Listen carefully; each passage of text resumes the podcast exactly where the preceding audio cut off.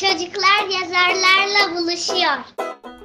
Ataşehir Belediyesi Kültür ve Sosyal İşler Müdürlüğü'nün hazırladığı Yazarlar Çocuklarla Buluşuyor programında Tülin Kozikoğlu'nu Neslihan Önder moderatörlüğünde dinleyeceksiniz.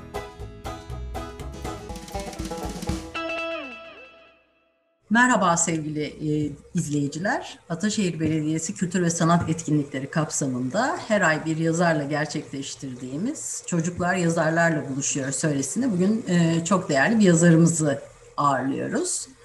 E, Tülin Kozikoğlu, hoş geldiniz Tülin Hanım. Hoş bulduk Neslihan Hanım. E, Tülin Hanım, e, masamın üstünde rengarenk bir yelpaze var. Sizin kitaplarınız. Hangisini göstereyim bilmiyorum ama hepsi e, birbirinden güzel. E, hepsi birbirinden e, e, güzel resimlenmiş. E, harika kitaplar var. E, bu var. E, hepsini göstermek istiyorum. Çünkü ben hem e, dokunmaktan hem de e, okumaktan çok e, keyif alıyorum çocuk kitaplarını. Bu var. Ve bu. Son kitaplar, evet. E, yani sanırım e, epey bir kısmını okumuşumdur. Hepsini de çok keyif alarak okudum. Ben başlarken sizi tanıtmak istiyorum ve bunu da e, en son 2020'de 9. baskısı yapılmış olan e, bir kitabınız Mıstık Seni Anlamıyoruz noktalama işaretlerinin öyküsü ki bana göre çok önemli gerçekten. Yani sadece çocuklar değil e, büyüklerin de ciddi bir sıkıntısı olduğunu düşünüyorum noktalama işaretleri konusunda. Onun için çok güzel bir iş yapmışsınız. Elinize sağlık. Ben buradaki özgeçmişinizi e, okumak istiyorum izninizle eksik kalan bir şey olursa e, sizin de katkınızı rica edeceğim. 1990 yılında Boğaziçi Üniversitesi Psikoloji bölümünden mezun olduktan sonra Amerika Birleşik Devletleri'nde bunun telaffuzu biraz güç. Sizden alalım üniversitenin adını. Duquesne, oldukça zor okunuyor. Duquesne Üniversitesi. Duquesne Üniversitesi İşletme Bölümünde yüksek lisansını tamamladı. Çimento ve demir çelik gibi ağır sanayilerde çalıştıktan sonra kızının doğumuyla birlikte çocuk edebiyatının hafif sularına yelken açtı. İlk kitapları Lili ve Yedi Çocuğu 2010 yılında yayınlanan Kozikoğlu ayrıca 2011 yılından bu yana okuma ve yazmayı ödev olmaktan çıkarıp oyuna dönüştürdüğü Keyifle Okuyorum, Özenle Yazıyorum isimli atölyelerinde ilk öğretim seviyesindeki çocuklara yaratıcı yazı çalışmaları yaptırıyor ve öğretmenlere yönelik çocuklara yaratıcı yazı nasıl öğretilir isimli eğitimi veriyor. E, Tülin Hanım bunlar burada yazanlar. E, ben e, biraz e, hep böyle e, çocuklar için yazan yazarlarda merak ettiğim soru şu. Nasıl bir çocukluk geçirdiniz? Yani e, çocukluğunuzda e, örneğin psikoloji bölümünü seçmişsiniz meslek olarak. E, daha sonra yazarlığa yönelmişsiniz.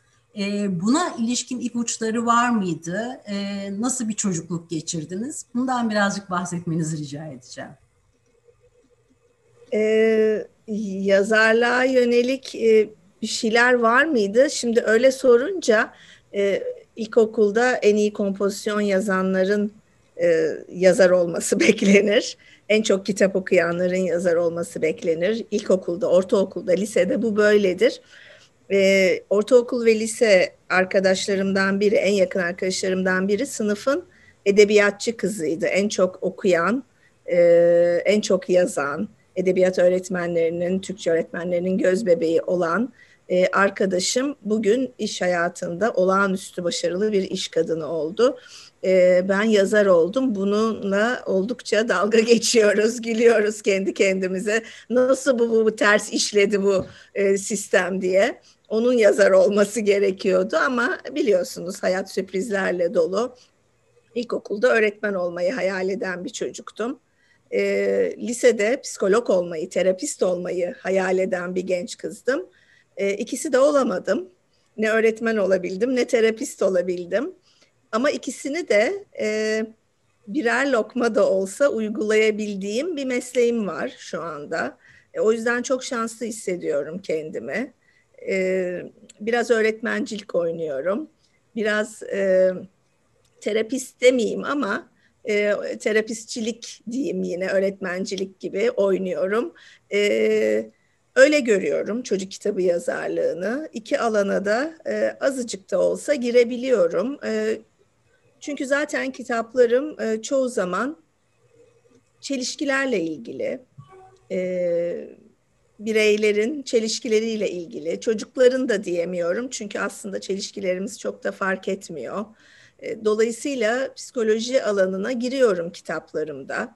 E, kitapların terapist görevi gördüğüne inanmıyorum. E, öğretmenlik görevi gördüğüne de inanmıyorum. Ama bu amaçla masaya oturulmamış eserler bazı yaralara merhem olabiliyor veyahut da belli etmeden bir şeyler öğretebiliyor çocuklara. E, o yüzden çok mutluyum. Biraz karmaşık bir şey söyledim galiba. Biraz açayım ne demek istiyorum. E, eğer masaya şu konuyu çocuklara öğreteceğim diye oturuyorsanız yazar olarak siz de çok iyi bunu eminim deneyimliyorsunuzdur. Böyle bir amaçla oturuyorsanız o kitaplar didaktik oluyor ve çocuklara ulaşmıyor. Ya da e, çocukların şu sorununa iyi gelecek bir kitap yazmak istiyorum deyip masaya oturuyorsanız e, terapistlik taslıyor oluyorsunuz. Öbüründe öğretmenlik taslıyor oluyorsunuz. Bunda da terapistlik taslıyor oluyorsunuz. Ve aslında çocuğun hiçbir yarasına iyi gelmiyor o kitaplar.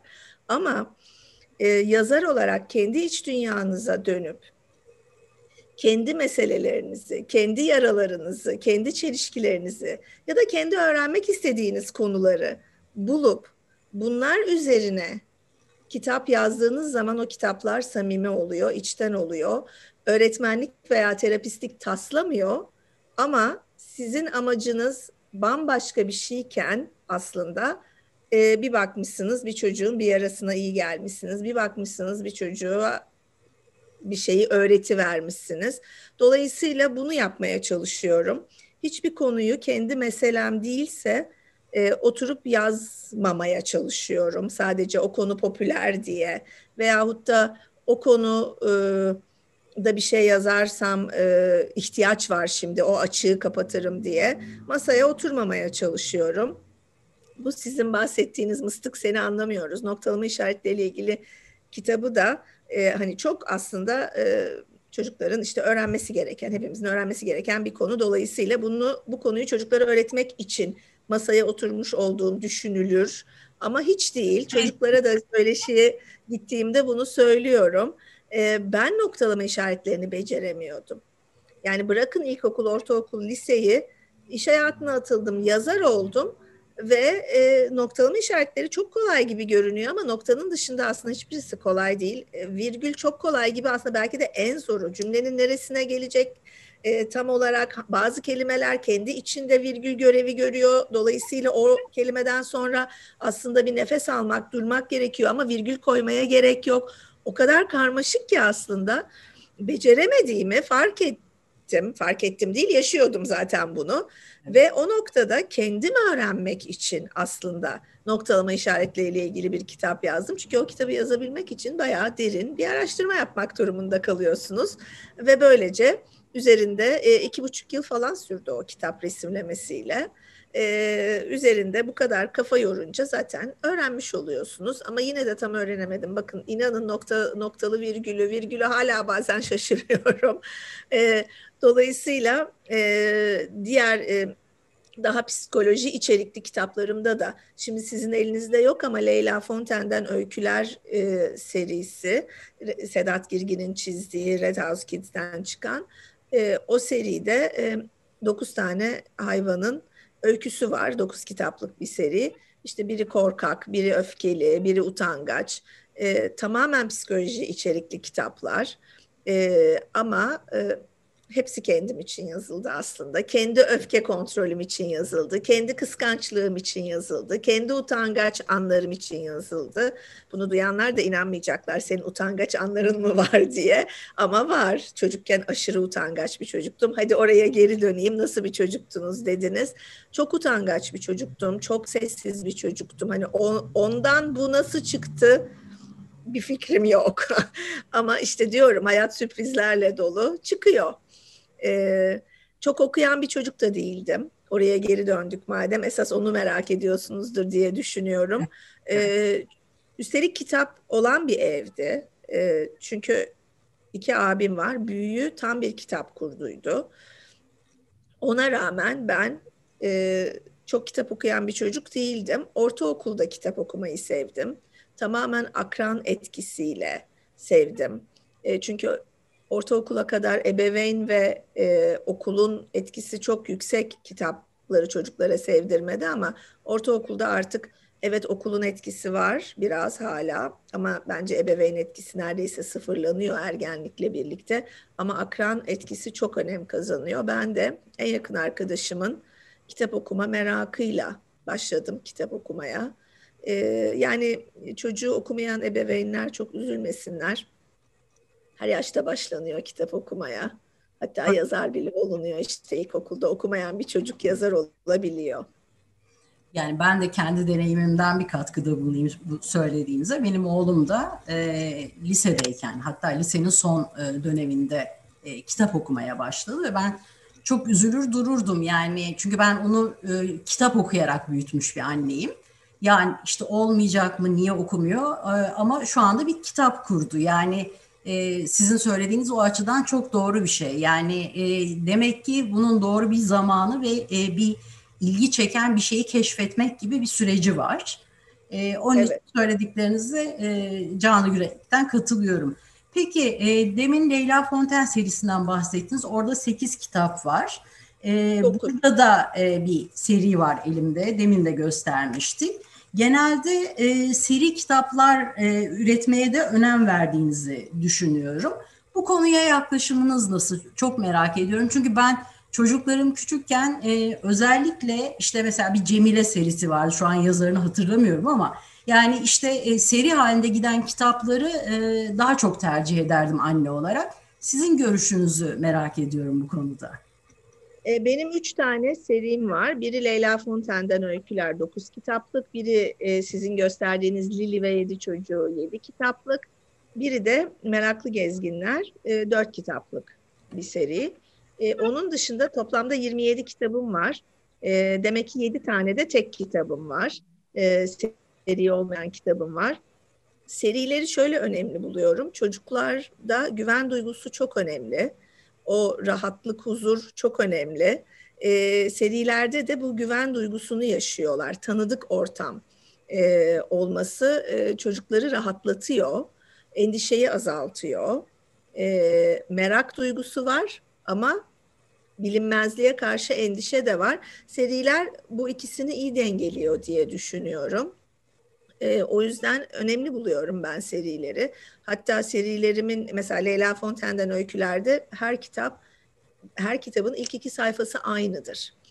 E, çocuklar ezberliyor ve e, bir süre sonra o bölümü kendisi ezberden söylüyor. Bu da çocuğa büyük bir rahatlık ve güven veriyor. E, çocuklar e, aynı filmi tekrar tekrar izlerler, aynı kitabı tekrar tekrar okurlar. Bunun hep sebebi o. E, hatta ileriki yaşlarda bile ben de kızımdan biliyorum 19 yaşında e, bildiğim bir şeyi seyredebilirim şu anda diyor. Yeni bir şeye halim yok diyor. O bilinmezlik ona yorucu geliyor bazen. E, fazla e, stimülüs e, bazı çocukları yoruyor. E, öyle durumlarda mesela e, bir filmi bir tekrardan izlemek istiyor. Kitapları çocuklar, küçük çocuklar defalarca okuyorlar e, biliyorsunuz.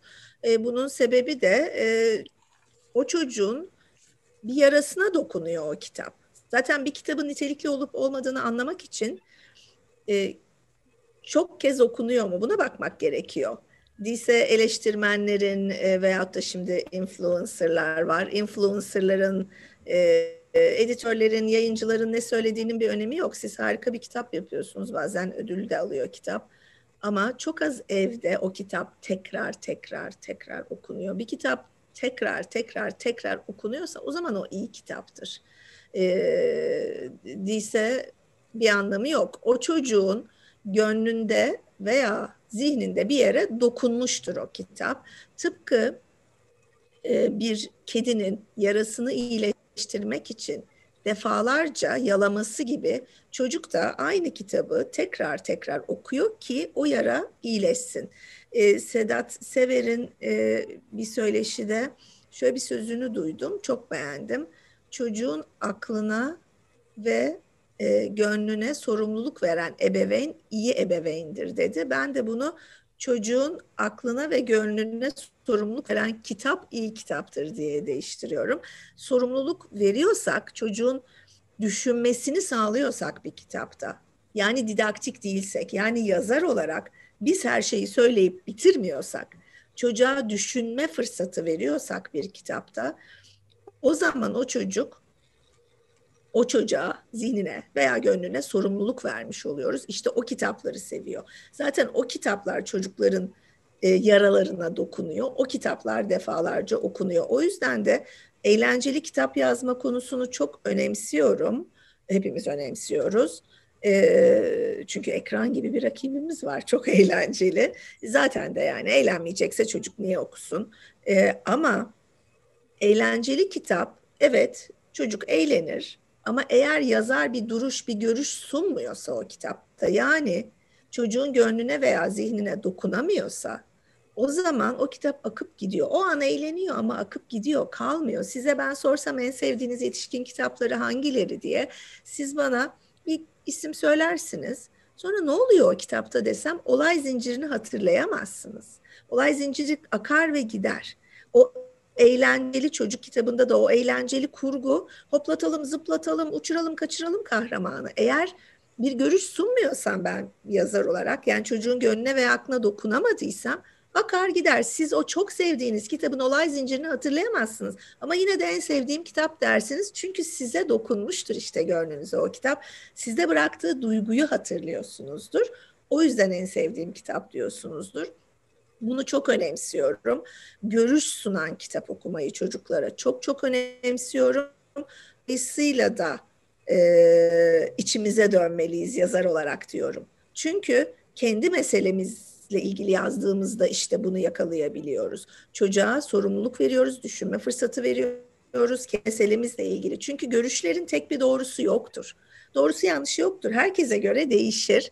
Yazar olarak biz bir doğruyu dikte etmeyiz görüş sunarken. Ee, çok kısa bir örnek vereceğim müsaadenizle. Mesela e, Ayşe Cimri bir kızdır e, diye başlayan bir kitap e, ya da bir kitabın bir bölümü e, didaktik bir kitaptır. Çünkü yazar karar vermiştir Ayşe'nin cimri olduğuna. Oysa ki biz kitapları kendi tarihimizle okuruz. Her okur kendi tarihiyle okur. O yüzden her kitap herkese aynı şeyi söylemez. Herkesin getirdiği tarihle herkese farklı bir şey söyler. O yüzden bazı kitapları çoğunluk beğenir ama bir kişi beğenmez. Çünkü o kişinin getirdiği tarihte bir bağ kuramamıştır o kitapla.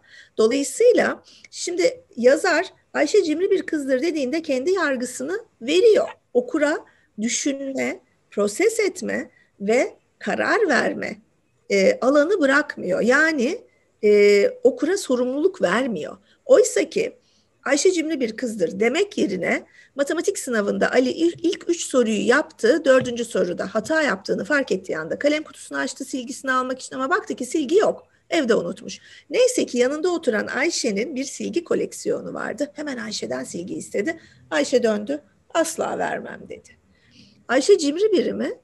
Bazı okura göre evet çok cimri bir kız Ayşe. Ama bazı okura göre Ayşe belki kıymet bilir biri. Belki tutum biri. Çünkü o okur belki bir koleksiyoner. Dolayısıyla Ayşe'nin silgi koleksiyonunun ne anlama geldiğini anlayabiliyor, empati kurabiliyor. Onun için kıymet bilir birisi Ayşe. Ama koleksiyonerlik konusunda bir fikir okur için Ayşe cimri birisi. İşte bu prosesi yapmaya izin vermeliyiz çocuklara. Kitabı okurken bu bir bulmaca aslında çocuk için. Ayşe'nin nasıl biri olduğuna karar verme anı çocuk için bir bulmaca anı, zihnini çalıştırma anı. İşte bu çocuğa sorumluluk vermektir. Dolayısıyla kitap yazarken de buna dikkat ediyorum, seçerken de dikkat ediyorum. Şimdi, Ebeveynlere ve öğretmenlere de buna dikkat etmelerini öneriyorum. Şimdi aslında bu soruyla bir sonraki soruma kısmen cevap vermiş oldunuz. Çok güzel bir şey söylediniz. çok okunan kitap iyi kitaptır. Bunu evet. kendi annelik deneyimimden de e, biliyorum ve bir okur olarak çocuklarımdan da gözlemliyorum. Gerçekten bazı kitaplar evde e, dönüp dönüp tekrar okunurlar. Şimdi ben buradan şuraya gelmek istiyorum. Tamam eve gelen kitaplar arasında e, okuya okuya biz e, neyin iyi neyin kötü olduğunu görebiliyoruz. Ama e, şunu merak ediyorum çünkü ben bundan çok e, çekmiş bir e, ebeveynim. E, çocuk kitaplarında ne yazık ki e, iyi bir denetim mekanizması yok ve e, dil yanlışları ve anlatım bozukluklarıyla dolu e, çocuk kitaplarıyla karşılaşması okurun e, gidip kitapçıdan kitap seçerken çok olası. Bu e, kitapçıdan kitap seçme, çocukla gittiniz, biz bunu çok yapardık mesela. Yani ben götürüp kendisini seçmesini isterdim ama tabii orada yönlendirici de e, olmanız gerekiyor. E, o aşamada söyleyeceğiniz, dikkat edilmesi gereken şeyler var mı? Şimdi e, yazım yanlışları vesaire ya da kurgu boşlukları bunlar tabii niteliksiz kitap demek. E, o kitabı e, yani kazara paranızı harcayabilirsiniz o kitaba. Bir sürü şeye kazara para harcıyoruz. E, ama zaten tekrar tekrar okumayacaktır çocuk o kitabı işte. Onları eliyor okur. Çocuk okur onları eliyor zaten. Kurguda boşluk varsa zaten e, eliyor onu. E, ya da yazım hatası varsa eğer resimli kitapsa yani çocuk henüz okumayı sökmediyse ebeveyn okuyorsa zaten düzelterek okuyor onları. O yayın evinin kitabını bir daha almıyorsunuz. Bu kadar basit. Çünkü orada yazar değil editör çalışmamış demektir. Ee, eğer e, yazım hataları varsa bu editörün hatasıdır. Kurgu boşlukları varsa yine editörün eksiğidir. Yazarı uyarmamıştır. Bu boşlukları düzelt doldur dememiştir. Dolayısıyla o yayın evinin kitabını alırken e, dikkatli oluyorsunuz o, o günden sonra. E, belki aynı yazarın, e, hayal gücünü beğendiniz yazarın ama böyle şeyler yakaladınız. Belki aynı yazarı başka bir yayın evinden bir kez de deniyorsunuz. Belki oradaki editör e, daha dikkatli bir editör çıkıyor şansına gibi. Ben bunu şuna benzetiyorum. Çocuğunuza bir ayakkabı aldınız. Ayakkabıcıda denettiniz. Rahat dedi. Bir gün giydi İkinci günde giydi. Üçüncü gün rahat etmedim giymeyeceğim dedi. Küçük bir çocuğa asla zorla bir ayakkabıyı giydiremiyorsunuz. Giymez yani. Sokağa çıkmaz. Çıplak ayakla çıkar ama giymez. Şimdi o ayakkabıyı ne yapıyorsunuz? O ayakkabının üreticisini arayıp bir daha böyle bir ayakkabı üretmeyin. Çocukların sağlığı için zararlı. Çünkü benim çocuğum rahat etmedi falan mı diyorsunuz? Demiyorsunuz. Bunları niye söylüyorum? Kitap için deniyor bunlar. Ortalık birbirine e, giriyor. Hani kıyamet koparmayını tırnak içinde o yüzden söyledim. Sizin çocuğunuza uymadı o kitap diye kimseye uymadı anlamına uymayacak anlamına gelmiyor. O ayakkabıyı ne yapıyorsunuz? Başka bir çocuğa veriyorsunuz. Bakalım o rahat edecek mi diye. Çünkü belki sizin çocuğunuzun ayağı taraklı. Ayakkabıcı da denediğinde anlamadı bunu ama şimdi deneyince anladı. E, o zaman başka bir çocuk, ince ayaklı bir çocuğa uyacak o ayakkabı ve giyecek gayet güzel tepe tepe.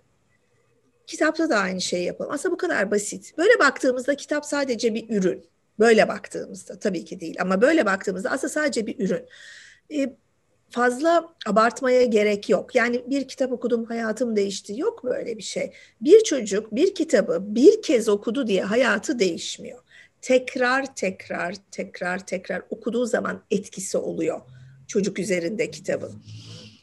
Eyvah benim çocuğum bu korkunç kitabı okudu deyip yayın evine mesajlar atmaya falan gerek yok bence. Ee, tabii ki yaşının üzerinde bir cinsellik yoksa ve şiddet yoksa. O da e, neyse o konuya da şimdi dağıtmayayım. Önce bunu bitireyim. Şiddetle ilgili de küçük bir şey söylemek istiyorum. Ee, dolayısıyla e, bir çocuğun kitap okuma eylemi hayatında çok büyük değişikliklere sebep olabiliyor. Yani okur bir çocukla okumayan çocuk arasında, kitap sever bir çocukla kitapla ilişki kuramamış çocuk arasında hayat akışı ile ilgili bir değişiklik oluyor gerçekten. Ama tek bir kitap bir çocuğun hayatını değiştirmiyor. Dolayısıyla uymadıysa verelim, bir kütüphaneye verelim, başka bir çocuğa verelim, e, bir okula verelim. E, birine uyar özellikle kitabın içindeki görüş bize uymadıysa. Çünkü o görüşün doğrusu yanlışı yoktur. Bunu tekrar edeceğim. Bize uymuyordur. Bize göre yanlıştır. Ama başka bir ailenin görüşüne uygundur. Dolayısıyla bir kez o görüşe maruz kaldı çocuğum mahvoldu diye bir şeye inanmıyorum ben. Ee, ve hatta bir kez maruz kalmalı diye düşünüyorum. Çünkü çocuklarımızı sadece kendi görüşlerimizle büyütemeyiz. Sadece kendi görüşlerimizle büyüttüğümüz çocuk kadar tehlikeli bir şey yoktur. Çünkü tek bir kanaldan büyümüş bir çocuk seçim yapma yeteneğini geliştirmemiştir. Birçok farklı görüşe maruz kalmalı ki çocuk onların arasından kendi doğrusunu seçme yeteneği gelişsin. Bunun pratiğini yapacak, yapacak, yapacak ki sonunda bu yetenek gelişecek. Eğer sadece kendi görüşümüzle büyütürsek çocuğumuzu ergenlik çağında tamamen aileye sırtını dönme yaşları bunlar. Muhakkak o zaman peşinden gideceği başka bir görüş bulur. Kendi görüşünü, kendi doğrusunu seçme yeteneğini geliştirmediyse. Dolayısıyla muhakkak ki farklı görüşlere maruz bırakmamız gerektiğini, bunun iyi olduğunu düşünüyorum. Şiddet konusuna geleceğim. Tabii ki yaşının üzerinde şiddet ve cinsellik olmamalı. Orada ebeveynin e, sorumluluğu çok büyük. Bunu seçmekte, bunu belirlemekte. Bu kitabı nasıl yazdınız, böyle çocuk kitabı olur mu? Değil. Senin çocuğunun yaşına uygun değil. O miktarda cinselliği belki 13-14 yaşındaki çocuk almalı, görmeli. Ee, ama 9-10 yaşına uygun değil belki o, o, o cinsellik. Şiddete gelirsek, şiddet e, editörlerimden biri Keriman Güldiken'in çok güzel bir sözü vardır. Kitaplar olumsuz öğeleri içerebilir. Önemli olan olumsuz öğeye özendirmemesi çocuğun. Kitap şiddet içerebilir. Çünkü kitap dediğimiz şey, daha doğrusu hikaye dediğimiz şey sorun çözümden oluşur. Bilmiyorum biraz lafı dağıttım mı yoksa çok, cevaplayabildim mi sorunuzu? E, çok e, yararlı e, konulara değiniyorsunuz. E, onun için e, hiç e, dağıttım diye düşünmeyin lütfen. E, bir de e, okullardaki e, etkinliklerinize gelmek istiyorum. Okullarda interaktif okuma etkinlikleri ve yaratıcı yazarlık atölyeleri veriyorsunuz. Bundan e, biraz bahsetmenizi rica edeceğim. E, interaktif okuma etkinlikleri zaten birçok yazar arkadaşımın yaptığı bir şey. Okullara e, eğer küçük çocuklara e, söyleşi yapmaya davet ediliyorsanız, benim kitaplarım okul öncesi ve ilk öğretimin ilk yılları için. E, o yaş grubuna e, söyleşiye gittiğimizde çocuklar soru hazırlıyor, bize soru soruyorlar, biz de onları cevaplıyoruz şeklinde olamıyor söyleşiler. Daha büyük yaş için bu şekilde oluyor. Ama küçük yaş için bizim interaktif okuma etkinlikleri organize etmemiz gerekiyor. Bu ne demek? Aslında biraz tiyatro, drama var içinde.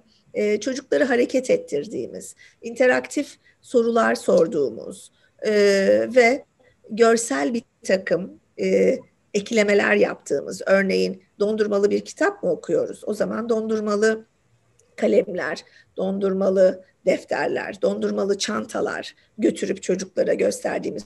Çünkü kahramanın e, dondurmayı çok sevmesinden dolayı her şeyini dondurmalı aldığını, işte cep telefonu kılıfı da dondurmalı bu kahramanın, gözlükleri de dondurmalı diyerek gösterdiğimiz, çocuğun dikkatini çektiğimiz veyahut da e, e, görsel, işitsel, kinestetik öğrenme modellerinin tamamını kapsayacak şekilde kinestetik çocukların da konsantrasyonunu kaybetmemesi için kitapla ilişkili çocukları hareket ettirip enerjilerini attırdığımız e, kahramanımız Peli dondurmayı çok seviyor. Kimler dondurma seviyor? Parmağını kaldırsın.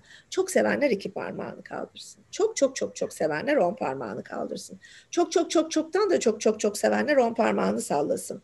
Çok çok çok çoktan da çok çok çok çoktan da çok çok çok seven Peli ayaklarını da sallıyor. Hadi siz de ayaklarınızı sallayın deyip çocuklara ellerini ayaklarını sallattırıp kinestetik çocukların enerjisini atıp sonraki sayfayı dikkatlice dinlemelerini sağlayacak hareketler yaptırmak.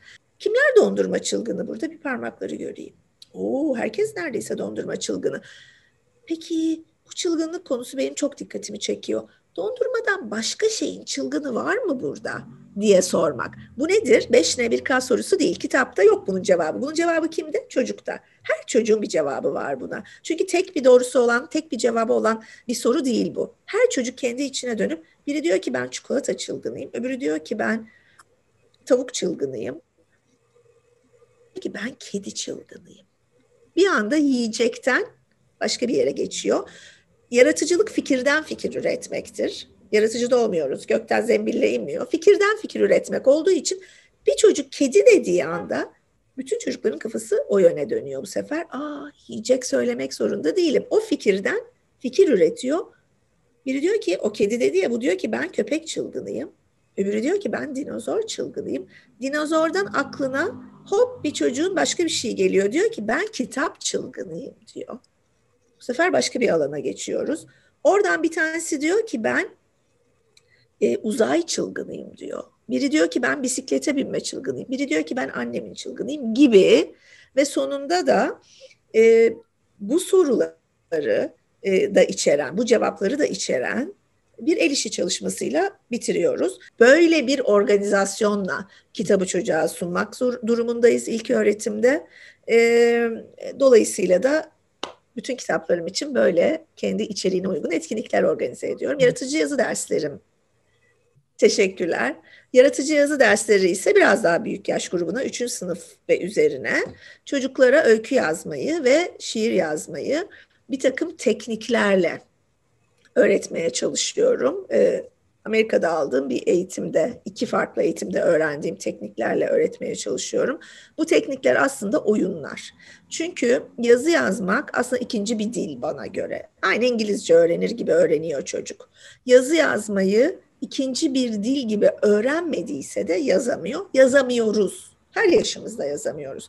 Ee, yazı şu anda şaikasını yaşıyor bence. Çünkü teknolojiyle birlikte çok hayatımızda girdi. Sözlü olarak yaptığımız bir takım organizasyonları telefonla yaptığımız mesela bir yemek organizasyonu şimdi artık yazıyoruz. Ya da iş toplantıları ya WhatsApp'tan ya e-postalarla ya online yazışmalarla hallediliyor. E ne oluyor? Bazen bir, bir cümle geliyor. Niye bunu dedi şimdi? Ben ona öyle bir şey dememiştim ki.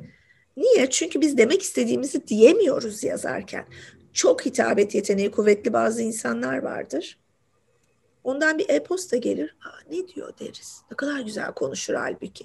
Niye yapamıyor onu? Çünkü o ayrı bir dil. O dili öğrenmemiş. Bu kadar basit. Çünkü konuşurken mimikler, ses tonu, tonlama, vücut dili hepsi bize yardımcı. Ama yazıda yok. Kelimelerle baş başayız. Öğrenmediysek o dili yazamıyoruz. İşte bu kadar basit. Bütün bunları size İngilizce söylesem, İngilizceyi bilmiyorsam kalın bir perde örtülür üstüme.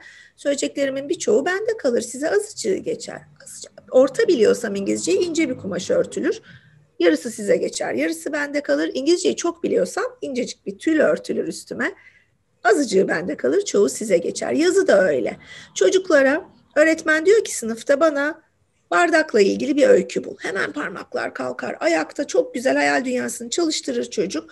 Dakikalarca bir öyküyü anlatır.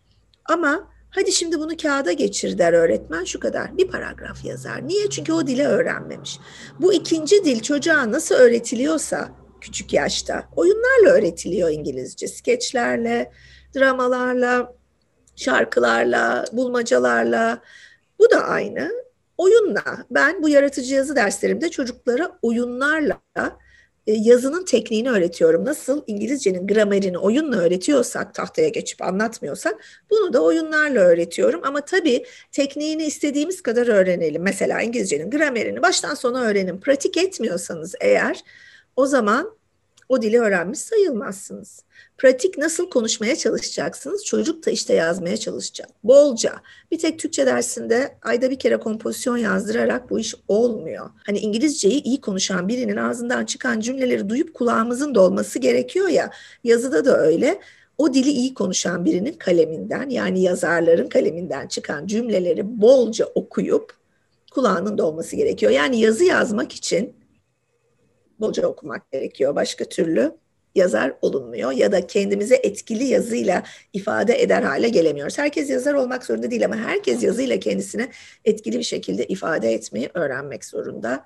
Ee, günümüzde başka türlü yol alamayacak kimse çünkü tamamen yazıya döndü iletişim diye düşünüyorum. Doğru.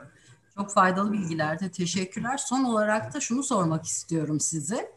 Bu pandemi sürecinde özellikle e, ebeveynlerin e, şikayetçi olduğu şey çocukları oyalamak. Yani evde evet. çok daha fazla zaman geçirir oldular. E, yani e, okulda ve derslerle e, online olmadıkları zamanlarda e, ciddi bir sıkıntı çocukları oyalamak. Hele belli bir yaş grubunu. E, son olarak şunu sormak istiyorum. E, çocuklarımız için e, kitap okumayı ve yazı yazmayı nasıl bir ödev olmaktan çıkarıp da bir e, keyif unsuru haline getirebiliriz e, ya da oyuna dönüştürebiliriz. Bununla ilgili birkaç şey belki e, birkaç tüyo veri verebilirsiniz. Şimdi büyük yaş grubu için yaratıcı yazı ya aileler interneti kullanıyor. Dolayısıyla yaratıcı yazı oyunları, yaratıcı yazı teknikleri, işte 5. sınıf için yaratıcı yazı falan gibi Google'dan bakmalarını öneriyorum. Çünkü e, bir dolu e, bir şeyler çıkacaktır. Özellikle dil biliyorlarsa, İngilizce biliyorlarsa, İngilizce olarak e, Google'dan bakmaları onlara bir sürü kapı açacaktır. Evde çocuklarına uygulayabilecekleri yaratıcı yazı oyunları bulmak için. Ben bunun derslerini veriyorum. Benim gibi başka yazar arkadaşlarım derslerini veriyor. Ders derken atölye yapıyoruz. Dolayısıyla bizlere ulaşıp bizim atölyelerimize de tabii ki çocuklarının katılmasını sağlayabilirler. Ama kendileri de bulabilirler e, internette. Benim bu verdiğim eğitimlerin bir tanesi bu. Çocuklara veriyorum. Bir de öğretmenlere çocuklara derslerde nasıl yaratıcı yazı oyunları oynatabilirleri öğrettiğim bir öğretmen eğitimi veriyorum. Ama okumaya gelirsek, nasıl okumayı ödev olmaktan çıkarırız'a gelirsek, şimdi e, en başından buna başlamak zorundayım. Yani doğduğu günden başlamak zorundayım. Çünkü biz de çocuklara e, kitap almak için çocuğun okumayı sökmesini beklemek gibi bir yanılgı var. Çünkü kitap okumak adı üstünde okumayı sökmesi lazım diye düşünülüyor. Fakat okumayı sökmek çocuk için çok meşakkatli bir süreç e, o kadar zor ki çocuklar için bu. O güne dek sadece oynamış, hoplamış, zıplamış. Çocuğa diyoruz ki otur bu sandalyede. Bu tanımadığın odada, sınıf onun için yabancı bir mekan. Bu tanımadığın hanım veya bey, öğretmen, onun için yine bir yabancı. Sana bir takım semboller çizecek tahtaya. Bizim harf dediğimiz şey çocuk için bize Çince neyse o. E, bu sembolleri seslerle birleştireceksin. Sonra heceleri kelimeleri, cümleleri oluşturacaksın. Bize kolay geliyor ama çocuk için o kadar meşakkatli, o kadar sıkıntılı ki. Sonra diyoruz ki sana bu sıkıntılı süreci yaşatan bu nesneyi sev. Niye sevsin ki çocuk bunu? İmkansız. Oyundan seni alıkoyan bu nesneyi sev diyoruz. Çocuk oyun oynayacak sınıfta olmasa. Oysa ki küçükken çocuğa kitap okunsa, yani okumayı sökmeden önce resimli kitapları, ebeveyn her gece 15 dakika okusa az metinli, çok resimli kitapları. Yani kitap okuna okuna büyüse bir çocuk. Ne oluyor? Bir de ona bakalım. Siz bir çocuğa, okumayı bilmeyen küçük bir çocuğa bir oyuncak verin eline. O oyalar kendisini. Bazı çocuk 15 dakika, bazı çocuk yarım saat, bazı çocuk bir saat kendisini oyalayabilir. Siz gidin o sırada bulaşığınızı yıkayın, ofisten getirdiğiniz işinizi yapın, arkadaşınızla telefonda konuşun. Fakat çocuğunuza kitap okuyorsanız eğer hiçbirini yapamazsınız. Tüm aklınızla, fikrinizle, tüm benliğinizle orada çocuğun yanında olmak zorundasınız. Bir çocuk için daha kıymetli bir şey olabilir mi? Aklıyla, fikriyle, tüm benliğiyle anneyi, babayı yanında kılan çok güçlü bir nesne olarak çocuğun zihnindeki yerini alıyor kitap. Sonra ilkokula başladığında bu güçlü nesneyi fethetmek için artık can atıyor. Yani okulla ilişkisi olumlu kuruluyor çocuğun. Dolayısıyla kitap okuma alışkanlığı geliştirilerek okula teslim edilmiş çocukların akademik hayatları e, iyi gidiyor sonraki yıllarda. Her alanda, bir tek Türkçe'de değil, her alanda. Şimdi bu çocuk kitap okuna okuna büyümüş çocuk ilkokula okur olarak geldi. Bazı ebeveynler artık okumayı söktün diye kitap okuma seanslarını sonlandırıyorlar. Okur çocuk yani kitap okumayı sökmesi ona bir ceza olarak dönmüş gibi düşünüyor. Çünkü anneyle babayla yaşadığı, yaşadığı o 15 dakikalık çok kıymetli kitap okuma ritüelleri anneyi babayı tüm benliğiyle yanında kılan o ritüeller son buluyor. Neden? Okumayı söktü diye. Siz hangi filmi ağır çekimde izlemekten hoşlanırsınız? E çocuk da heceliye heceliye okuyor daha. Bütün enerjisi heceleme eyleminde. Kitabın içindeki edebiyatı alamıyor. Hikayenin, kurgunun heyecanını alamıyor ki. Dolayısıyla ilkokul bir de asla kesmemelerini öneriyorum ebeveynlere kitap okumayı çocuklarına. Muhakkak her gece okumaya devam edecekler. İkinci, üçüncü, dördüncü sınıf dahil. Tabii yaş grubu büyüdükçe artık bu resimli kitaplardan daha kalın öykülere, romanlara geçiyoruz. O zaman da her gece bir bölümünü okuyarak Nasıl televizyonda birlikte dizi film seyrediyorsunuz? Onun gibi ama hadi birazını da sen oku demeden çocuğun okumasının hızlanması için performans kaygısına düşmeden o 15 dakikayı gerçekten baştan sona sadece annenin babanın okumasıyla, annenin babanın ritmiyle, ses tonuyla okumasıyla, o yakınlığı kurarak, çocuğun he, kitabın içindeki heyecanı o ritimle alarak edebiyatta da yani kitapta da ekrandaki kadar eğlenceli hikayeler olduğunu çocuğa anlatacak şekilde okuyarak e, devam etmemiz gerekiyor. Öğretmenlerin okuması hızlansın diye verdiği okuma ödevlerinin bu 15 dakikalara göz dikmemesini, burnunu sokmamasını öneriyorum. Onu ayrıca o çocuğun ödevidir. Onu başka bir saatte çocuk kendisi heceliye heceliye oku, okur hızlandırmak için okumasını. Ama bu 15 dakikalar kesilmemeli. Minimum 15 dakika. Sonraki yaşlarda da devam etmeli. Dolayısıyla şimdi pandemide ne yapabilirsiniz? çocuğunuza okul öncesindeyse veya ilkokuldaysa birlikte kitap okumaya başlayabilirsiniz. Ya bir sürü bir şey anlatabilirim pandemide yapılacak ama meselemiz kitapken söyleyecek başka bir şey yok. Yani vakit de harcamak istemiyorum başka bir şeyle.